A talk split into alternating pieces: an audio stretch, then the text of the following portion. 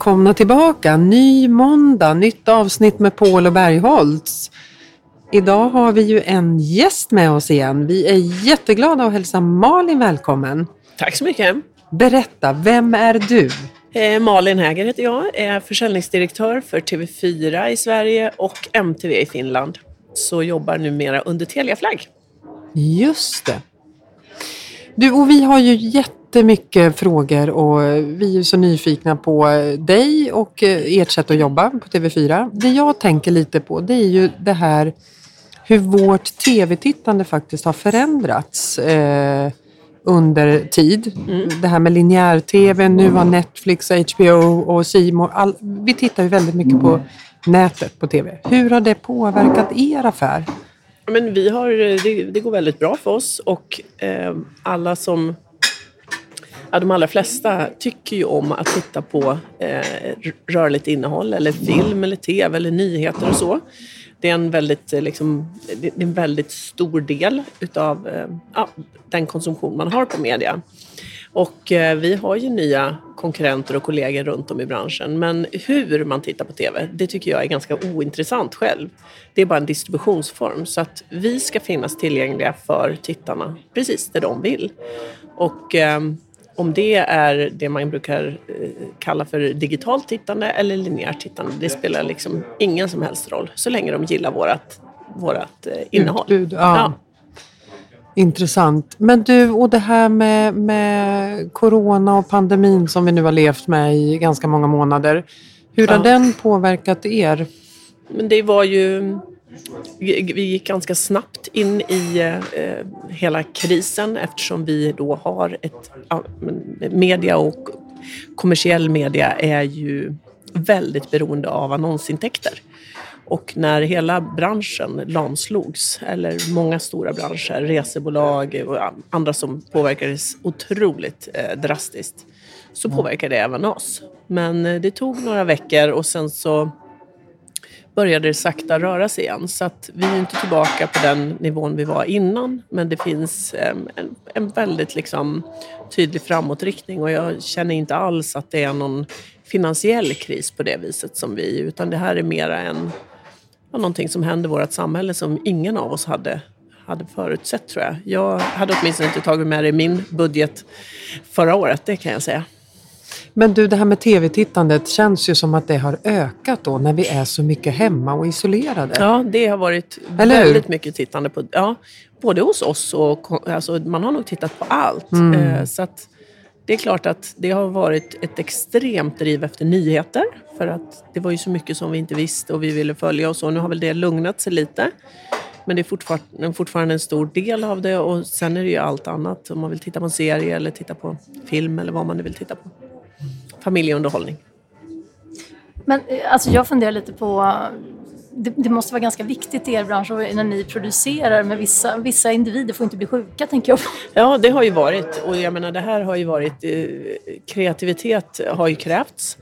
För det har ju varit allt ifrån att vi faktiskt inte har kunnat spela in eh, program. Vi kunde inte åka till eh, Filippinerna eller någonstans och spela in Robinson. Robinson. Det gjorde vi uppe i, eh, i Norrland. Helt nya förutsättningar och helt nya utmaningar såklart. De behöver inte bli trötta på kokosnötter i varje fall. Eh, vi får väl se vad de blir trötta kanske på i år. Kanske trötta på blåbär? Ja, och kanske också att kylan och regnet var ganska jobbigt för dem. Eh, till andra format som vi inte har fått spela in alls. Vi har haft programledare som inte har kunnat vara med för de tillhör eh, 70 plus och har därmed inte fått vara med. Eh, för vi har inte velat ta den risken. Nu hoppas vi att vi kan få tillbaka dem såklart eh, så fort det här har blåst över. Men det är också i program som Idol i starten så var det personer som blev sjuka och sådär. Så att eh, jag tror att det är, det är precis så det är. Och jag tror att faktiskt det är en del av skärmen. Att vi är mitt i det, att alla känner igen sig och det är så det blir. Alltså, alla måste förhålla sig till det här. Mm, alla blir påverkade. Alla blir påverkade. Mm, på ett och det, är liksom, det är ju så det är. Så jag tycker inte att det har varit svårt att förklara det. Alls. Och alla är rätt så här, åh, typiskt. Då blev det så. Alltså det är... Ja. Mm. ja. Men jag tänker också på med, du har ju säkert eh, hanterat en del kriser innan. Eh, ja. Men just det där i ledarskapet då, liksom ja. att, att, leda men, dina chefer och sådär. Ja. Tycker du någonting som är utmärkande? Ja, men det jag tycker är svårast var ju när vi skickade hem all personal. Vi gjorde det ganska drastiskt från den ena dagen till den andra. Vi har ju också, jag har ju en stor grupp som är sändningskritiska hos mig. Eh, så de, är ju, de åkte ju hem allra först. Men sen har det ju varit, jag har ju ändå 130 personer i Sverige och 90 i Finland ungefär. Det som är allra svårast tycker jag, det är ju att se hur människor mår mm. och ta ansvar för det som chef. Eh, så vi har försökt att coacha cheferna eh, och se vad är det som händer egentligen. Men vi har ju fått leva i det och lära under tiden. Jag, jag hade en extremt eh, stökig vår med fruktansvärt mycket att göra själv. Så när jag kom tillbaka efter sommaren kände jag så här, vi håller ju på med de här heltimmes och halvtimmesmötena. Helt utan mening. För att sitter du i Teams eller något annat digitalt eh, så behöver du inte ha heltimme. Det räcker med 45 minuter. Boka upp 45 minuter då. För att då har ju ändå de här personerna som sitter på andra sidan en chans att hämta en kopp kaffe, eh, gå ett varv runt huset. För det gör du ju per automatik när du rör dig mellan olika mötesrum på kontoret. Mm. Men hemma sitter du på exakt samma stol hela tiden. Och bara en sån sak gör ju att stressen ökar, att du mår dåligt. Mm. Och det är liksom, vi har ju fått skoja om det och säga så här, vi måste skoja om de här sakerna. Och vi har provat allt ifrån att ha AVs på Teams till, äh, men, vet, check-in-fika eller walk and talk när du kan ta någon kompis och ta en promenad och snacka med. Uh, och jag tror att många av våra medarbetare har idag hittat ganska bra sätt. För det är ofta den här energin man får när man ses och träffas mm, fysiskt. Den påverkar hälsan och hur man tycker mm. om jobbet och sådär. Och sen är det, för mig är det inte, jag bor ju ute på landet eh, med massa djur och har naturen utanför dörren. Och för mig är det ju inga problem. Jag kan ju röra mig, jag kan stänga igen dörren till mitt arbetsrum. Men om du bor i en lägenhet med små barn och de får inte gå till dagis och dessutom sitter man två hemma. Alltså, det, måste, ja, det är enormt stressande. Ja, mm. det måste vara fruktansvärt och då måste man ju på något vis förstå det. Så vi mm. har försökt möjliggöra platser, ett fåtal platser på kontoret för de som kanske ska flytta eller de som mm. hamnar i att det är vab i all evighet så att de kan komma in och växelvis vara på kontoret och så. Så att kontoret har absolut en, en, en viktig plats eh, för de allra, allra flesta. Även om vi nu får hitta andra lösningar. Ja, och det där har vi pratat tidigare om, det här med leda på distans. Att det är en mm. ganska stor utmaning. Ja. För att du ser inte personen. Du, det är svårt att fånga upp den där psykiska ohälsan. Den, är, ja, den går det... inte igenom en, en digital skärm alltid. Nej, och sen kan du ju ofta hålla ihop det i en, ett samtal.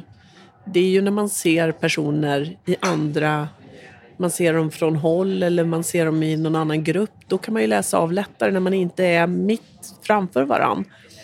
För då kan, det oftast, då kan man ofta hålla ihop det. Så att vi har bara fått säga att ni, nu krävs det mer än någonsin att man faktiskt flaggar för vad som är jobbigt. Och vi har väl klarat oss hyfsat måste jag säga i det. Så får vi hoppas att det håller ihop. Mm. Men och vad har varit viktigt för dig i det att förmedla till, till dina chefer för att, för att kunna uppmärksamma det hos sina medarbetare? Ja, alltså dels att man ställer frågan, mm. att, mm. man faktiskt vågar mm. ställa de obekväma frågorna.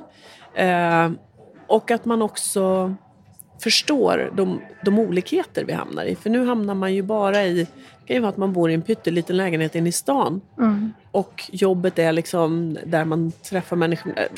Allt socialt också nedstängt mer eller mindre, eller var åtminstone det i början. Blir extremt isolerad. Mm. Mm. Så hur pratar man om en sån sak och hur förstår man att den händer? Och har man liksom tänkt sig in i hur den här kollegan har det på hemma? Har man frågat hur sitter du? Eh, har du en arbetsplats? Eh, sitter du i soffan? Byter du plats då för att du liksom, hur, hur gör man bara för att inte bli helt skev i ryggen? Alltså det är mm. enkla saker som du plötsligt måste bara börja prata om. Mm. Och jag tror att det är alla de här, de är, de är egentligen så de är liksom i hemmiljö så de blir, det blir lite så integritets... Det är lite svårt som chef att fråga för du, du går in i någon annans hemmamiljö. Det behövde man inte göra Nej. förut. Det behövde man inte förut. Och nu måste vi våga och säga så här, hur sitter du, står du, hur ser det ut hemma hos dig? Alltså, det är nästan...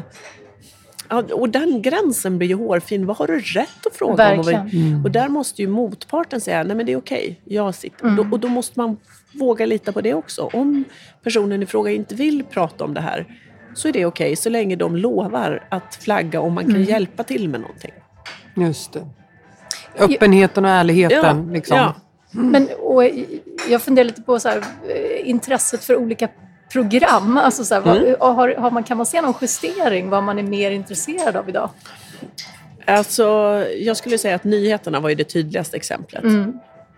Eh, otroligt behov av att följa vad som hände för det var så obegripligt. Mm.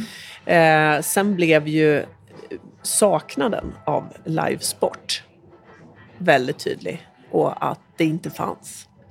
Så eh, de, två ytterligheterna tror jag var det som var tydligast i tittarmönstren. Mm. Hur tror ni att ni kommer jobba i framtiden? Kommer ni sitta på kontoret fem dagar i veckan? Eller kommer, har det här lett till att ni kommer jobba annorlunda även i framtiden? Ja, alltså jag tror att vi har, det här är ett sånt digitalt jättekliv vi har gjort. Om, om någon skulle idag skicka ut en mötesinbjudan utan en digital länk så skulle det ju inte ta mer än ett par sekunder förrän någon skulle säga ah, du har glömt länken. För man tar ju det för givet. Det är alltid eh, några på länk och några är fysiskt och några, även om du har ett möte på jobbet, så är det ju alltid några. Jag bara, nej men jag kom inte in idag för jag, nej, jag hade inte tid eller jag sitter i annat eller jag är lite snuvig eller det kan ju vara tusen anledningar. Helt okej. Och vi ser ju också att effektiviteten är ju mycket bättre när du får styra mer själv. Och vi har gjort lite såna eh, pulsmätningar under tiden. Och jag skulle säga att nej men jag kanske kommer vara inne på jobbet två dagar i veckan. Nu är jag väldigt långt till jobbet också så jag tjänar ju så mycket tid på att inte åka bil. Eh, och hur mycket mina chefer vill vara inne, det lägger inte jag mig i. De kommer kunna avgöra det helt på egen Ja. Och när de får göra det så får de ju också någon form av högre effektivitet. För då, kan de, då får de ihop det här livspusslet mycket enklare. Och jag Men- menar, det är ju ingen annan som gör jobbet åt dem. Så de, alltså, Ja, det ska ju göras. ja, det ska ju Men göras. du, den här pulsmätningen blev jag nyfiken på. Ja. Kort, vad, vad innebär Nej, men de, det mäter bara hur man mår och hur man, hur man trivs och hur, vad man tror. Och, alltså det, det är en enkel, egentligen en medarbetarundersökning som bara är, fångar upp det fångar här, upp här nu. coronatiden? Ja. coronatiden. Och lite om liksom, hur tror vi att det blir sen då? Och eh, jag tror ju att är det någon bransch som kommer påverkas lång sikt så är det nog fastighetsbranschen. Hur kommer kontor se ut framåt? Mm. För det tror jag, det, jag tror att det kommer vara någonting annat. Ja, verkligen. Mm. Mm. Ja, men gud vad spännande. Spännande Malin. Tack snälla för att du kom hit Tack så och mycket. eh, Kul att vara här. dela med dig av eh, din berättelse. Tack så mycket.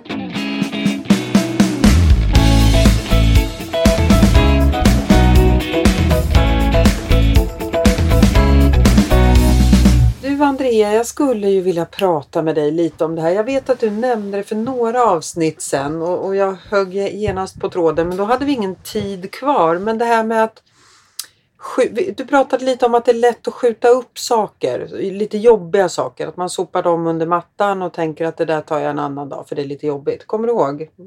Ja, precis. Eh, exakt, och att det blir extra viktigt att vi inte gör det när det också är en krissituation som blir utdragen därför att det kostar på ännu mer då. Ska vi börja med att bara presentera oss lite kort, Maria? Ja, det gör vi. För er som eh, tillkommer, nya lyssnare, det vet vi att det gör och det är jättekul. Eh, kortfattat, Maria Bergholtz heter jag, driver ett konsult och rekryteringsföretag i Stockholm som heter Insight Competence. Ja, och jag heter Andrea Paul och driver en företagshälsovård som heter Träna hjärnan i Stockholm. Och ehm, ja, precis. Mm. Organisations... Ja, men exakt. Bra, vi kör. Eh, jo, Nej, men jag kände Han- så här Andrea, att jag, jag kände mig lite träffad när du pratade om det där. Jag, jag känner igen mig i det där. Jag, eh, jag, jobbiga saker, det kan vara en jobbig arbetsuppgift. Eh, framförallt ett jobbigt samtal. Man kanske ska ringa en kund, man kanske ska ha ett medarbetarsamtal. Någonting som är lite jobbigt, det, det gruvar jag mig länge för. lägger rätt mycket energi innan och kanske till och med skjuter upp några dagar. Och då går det åt ännu mer energi. Mm. Är du med på vad jag tänker? Mm. Och vad är din fråga? Ja, hur, för du sa att man inte ska göra det här och jag inser ju det också att man ska inte liksom lägga energi på att skjuta, för att det blir ju någon form av energibov att skjuta upp saker. Mm. Eh, för att du, det går ju, det, det maler ju sönder den till Exakt. slut. Eh, så att det är väl som att riva av ett plåster, tänker jag. Man behöver bara ta tag i det. Men det är inte Ja. enkelt tycker jag. Jag tycker att det är lätt att skjuta upp det och att det känns lite jobbigt. Nej, jag tar det där imorgon. Mm. Och det är ju så här att vi har ju, vi har ju väldigt lätt att dras till det som ger kortsiktiga belöningar här och nu. Eh, och ofta saker som är lite jobbiga. De eh, kanske inte ger den där korta belöningen här och nu. Utan vi behöver först jobba igenom någonting hos oss själva för att eh, slutföra. Till exempel om det liksom är ett jobbigt samtal Mm så brukar jag alltid prata om, för att ofta är det här återkommande beteende hos människor. Alltså så, som är, och då behöver man ju liksom först också förstå vad det är man undviker i det. För det här är ju olika saker. Det är olika saker att sitta och göra fakturer eller om det är jobbiga samtal. Så. Ja, precis. Och, ja, så det är inte samma saker vi undviker i olika sammanhang. Men, men jobbiga samtal till exempel, ja, handlar det om risk för, att, eh, för konflikt och att inte bli omtyckt och att behöva stå för någonting som blir jobbigt. Därför att ja, eh, det hjälper ofta om man går igenom lite det där för, för sig själv först. Så här, ah, Förbereder okay. sig alltså. Ja, precis. Mm. Att man lite grann så här, inte bara liksom hoppar över det där och bara jävlar, jag måste ta det där jävla jobbiga samtalet. Fan vad jobbigt, det är bara att boka in en tid och göra det. Utan att man istället så här, vad är det i det där som är så jävla jobbigt för mig? Ja, men det är att hon till exempel eller han kommer reagera så här och säga de här grejerna och då behöver jag liksom eh, formulera mig så här eller så här. Vad är det, vad är det i det som är jobbigt? Liksom? Ja, det är att jag blir jävligt irriterad till exempel och jag riskerar fan bli förbannad till och med. Typ. Ja. Eh, och, så här, och det är inget kul. Alltså, det är jobbiga känslor som vi vill undvika. Och det är massa olika situationer som är förknippade med jobbiga känslor som vi vill undvika. Eh, göra andra människor besvikna, göra andra människor ledsna är det jättemånga som tycker att inte leva upp till förväntningar. Det är jättemånga som undviker det. Eh, till exempel. Och då är vi villiga att gå ganska långt för att undvika det istället för att, För att någonstans... slippa men det gör Mm. Precis, men är, för att slippa vara i den känslan. Det är Mm. bara det att när vi undviker att vara i den känslan eh, så, så, så kommer vi heller inte vidare. För beteendet som vi gör istället ställer ofta till liksom med ännu större problem. ja, det får ju större konsekvenser. Så är det ju. Eller ja, och vi blir inte menar. av med... Nej, precis. Det ja, försvinner exakt. ju inte. Men Nej. jag fascineras ju av de här. Jag träffar många sådana. Alltså, allt ifrån i våran podd till, till eh, i, i arbetslivet. Alltså eh, chefer som har mycket personal, eh, många medarbetare och som inte alls, det rinner bara av dem. De tycker inte ens att det är jobbigt med sådana saker. Och då blir jag väldigt, väldigt fascinerad över vad de har i sig som jag själv då inte har i mig. Vi är ju helt två olika människotyper. Men jag kan fascineras över att eh, någon som, eh, jag träffade en chef för många veckor sedan som, som jobbar med förändringsledning och hennes eh, uppgift var att gå in i en organisation och göra sig av med halva styrkan. Det är ju en ganska tuff Mm. uppgift. Eh, Mm. men, men hon satte på sig någon form av mask. För att det här är en liksom härlig ödmjuk människa. Det är ingen Stålmannen på något sätt utan det, det är en människa bakom det här. Men hon Mm. bara går in, gör sitt jobb, gör sig av med de här människorna, sitter i de här samtalen. Och det bekommer inte henne så mycket efteråt. Utan det här är ett jobb för henne. Mm. Men då, då är det ju till exempel det där att, det, att det där, de där situationerna triggar inte någonting som blir obehagligt för henne. I Nej, samma tänk vad utsträckning som det kanske gör för dig. Så. Men du har ju andra saker som inte liksom blir jobbigt för dig. Men till Exakt. exempel, så här, du är ju väldigt snabb till många aktiviteter och genomföra mycket. Det är ju jättemånga som inte klarar av det. Mm. Och som det blir jättemycket jobb för, för att man undviker de här små sakerna som läggs på hög eh, och sådär. Och så går man runt med dåligt samvete för att man inte får sakerna gjorda. Liksom.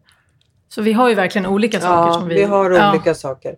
Ja, Men jag tyckte det var intressant det här med förberedelse som du också pratade om. För det har jag faktiskt Mm. börjat lite smått med. Jag, jag hade eh, skulle ha ett lite jobbigt kundsamtal upplevde jag då för, Mm. för en tid sedan. Och då, då satte jag mig ner och skrev ner de argumenten som jag tror skulle komma emot mig. mm, Eh, Alltså så, vad, vad kommer den här kunden säga när jag säger A? Jo, hon kommer troligtvis vara irriterad och tycker inte att det är rätt att jag gör si och så. Så att jag förberedde mig på liksom motgångarna. Vilket gjorde Mm. att jag var förberedd på svaren och hade Mm, till och med mm. förberett vad jag skulle svara. Så det Mm. tycker jag var ett väldigt bra tips från dig. Att, att man kan inte bara gå in i ett rum och, och riva av på det sättet utan du måste någonstans förbereda dig lite mentalt och kanske ha något form av manus i huvudet. Att så här ska jag säga och det här kommer bli invändningarna och då behöver jag säga det här.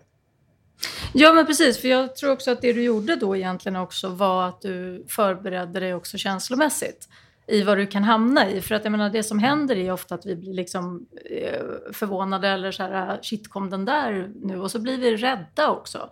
Man kan ju liksom bli rädd för att eh, det ska, för, för en konsekvens som det blir. Alltså, Ja. och, och, och då har vi ju då vi går in i de här försvarsbeteendena som kanske inte är så himla konstruktiva.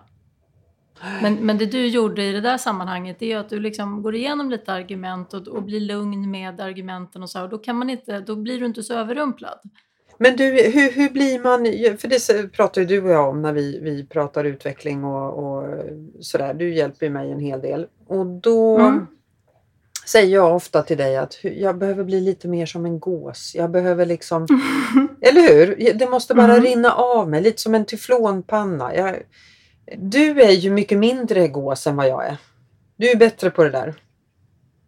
Och här, jag är mindre gås och det är inte mycket som rinner av mig kan man säga. Eller vad menar du? Nej, Nej, det är det inte. Eller, Jo, jag ty- du är ju mycket bättre på att ta sådana samtal och du, du, du liksom är lite hårdare i positiv bemärkelse. Ja, gud, det här är ju fantastiskt att höra. Gud vad glad jag blir. Vad Jag, upplev, jag upplever dig som det och du får det att låta till mig sådär. Fast vad då? Vad, vad är det som är svårt? Alltså, Ja, jag förstår vad du menar. Och du är ute efter så här, hur, ska man liksom, hur kan man bli lite mer så här, ja men säga saker lite mer sakligt och att det bara Ja. får in av en. Ja, och att jag Men går ut vad ur jag- rummet och känner att ja, då var det här klart. Ja, då Ja. tar vi nästa puck. ja, Istället för att jag analysera brukar så mycket.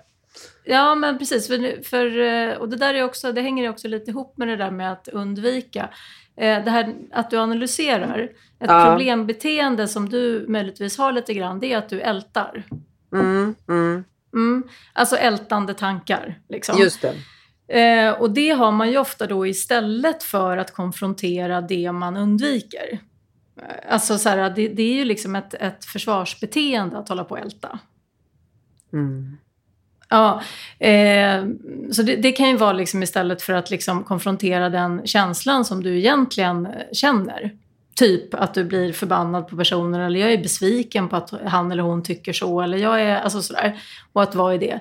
Men eh, du frågar så här hur man ska göra för att bli mer som en gås. Eh, Ja. jag brukar, när jag pratar med ledare om det här, va, eh, då brukar jag eh, förstå, få ställa frågor så att den andra personen lite förstorar andra faktorer som ligger utanför sig själv. Mm. Alltså så, här, så att, så att eh, Ja, för det är så lätt att man går in i att ta på sig själv. Liksom. Att det jobbiga du ska göra, att du, så här, eh, att du går in i hur du själv känner och tycker. Och, och så här, istället för att du lyfter blicken lite grann och tittar på liksom, faktorer utanför. Till exempel så här, ja, insight competence. Hur, hur gynnas eller missgynnas företaget av det här eller det där? Och hur, alltså yttre faktorer, förstår vad jag menar? Ja. Marknaden. Eh, Mm.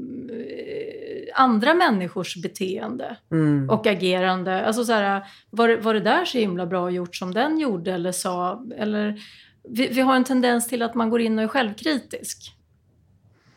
Är du med Ja, vad jag menar? ja, jag Istället för att du tittar liksom på yttre faktorer, alltså Ja. andra saker som, Eh, det kan bli lite gåseffekt.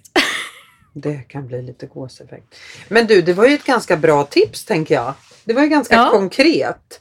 Ja, Det här ska jag jobba med kanske det. Andrea. Det. här ska jag jobba med. Eh, och det, det finns säkert, jag tror inte att jag är unik utan det finns säkert eh, fler som känner igen sig i det här. Ehm, så. Bra. Men då kan vi nästan avrunda så. Vi behöver inte ge några tips. Nej, jag tycker, jag tycker du har gett många tips. Så att nu tar jag med mig dem och sen så ska jag bli lite mera gås framöver. Vi jobbar med gåseffekten. Vi jobbar med Re- gåseffekten. resten, av veckan, re- resten av veckan. resten av veckan. Jättekul att ni har lyssnat. Glöm inte att eh, fortsätta mejla era funderingar, era uppslag till ämnen. Vi blir så glada. Precis. Ha en skön vecka nu!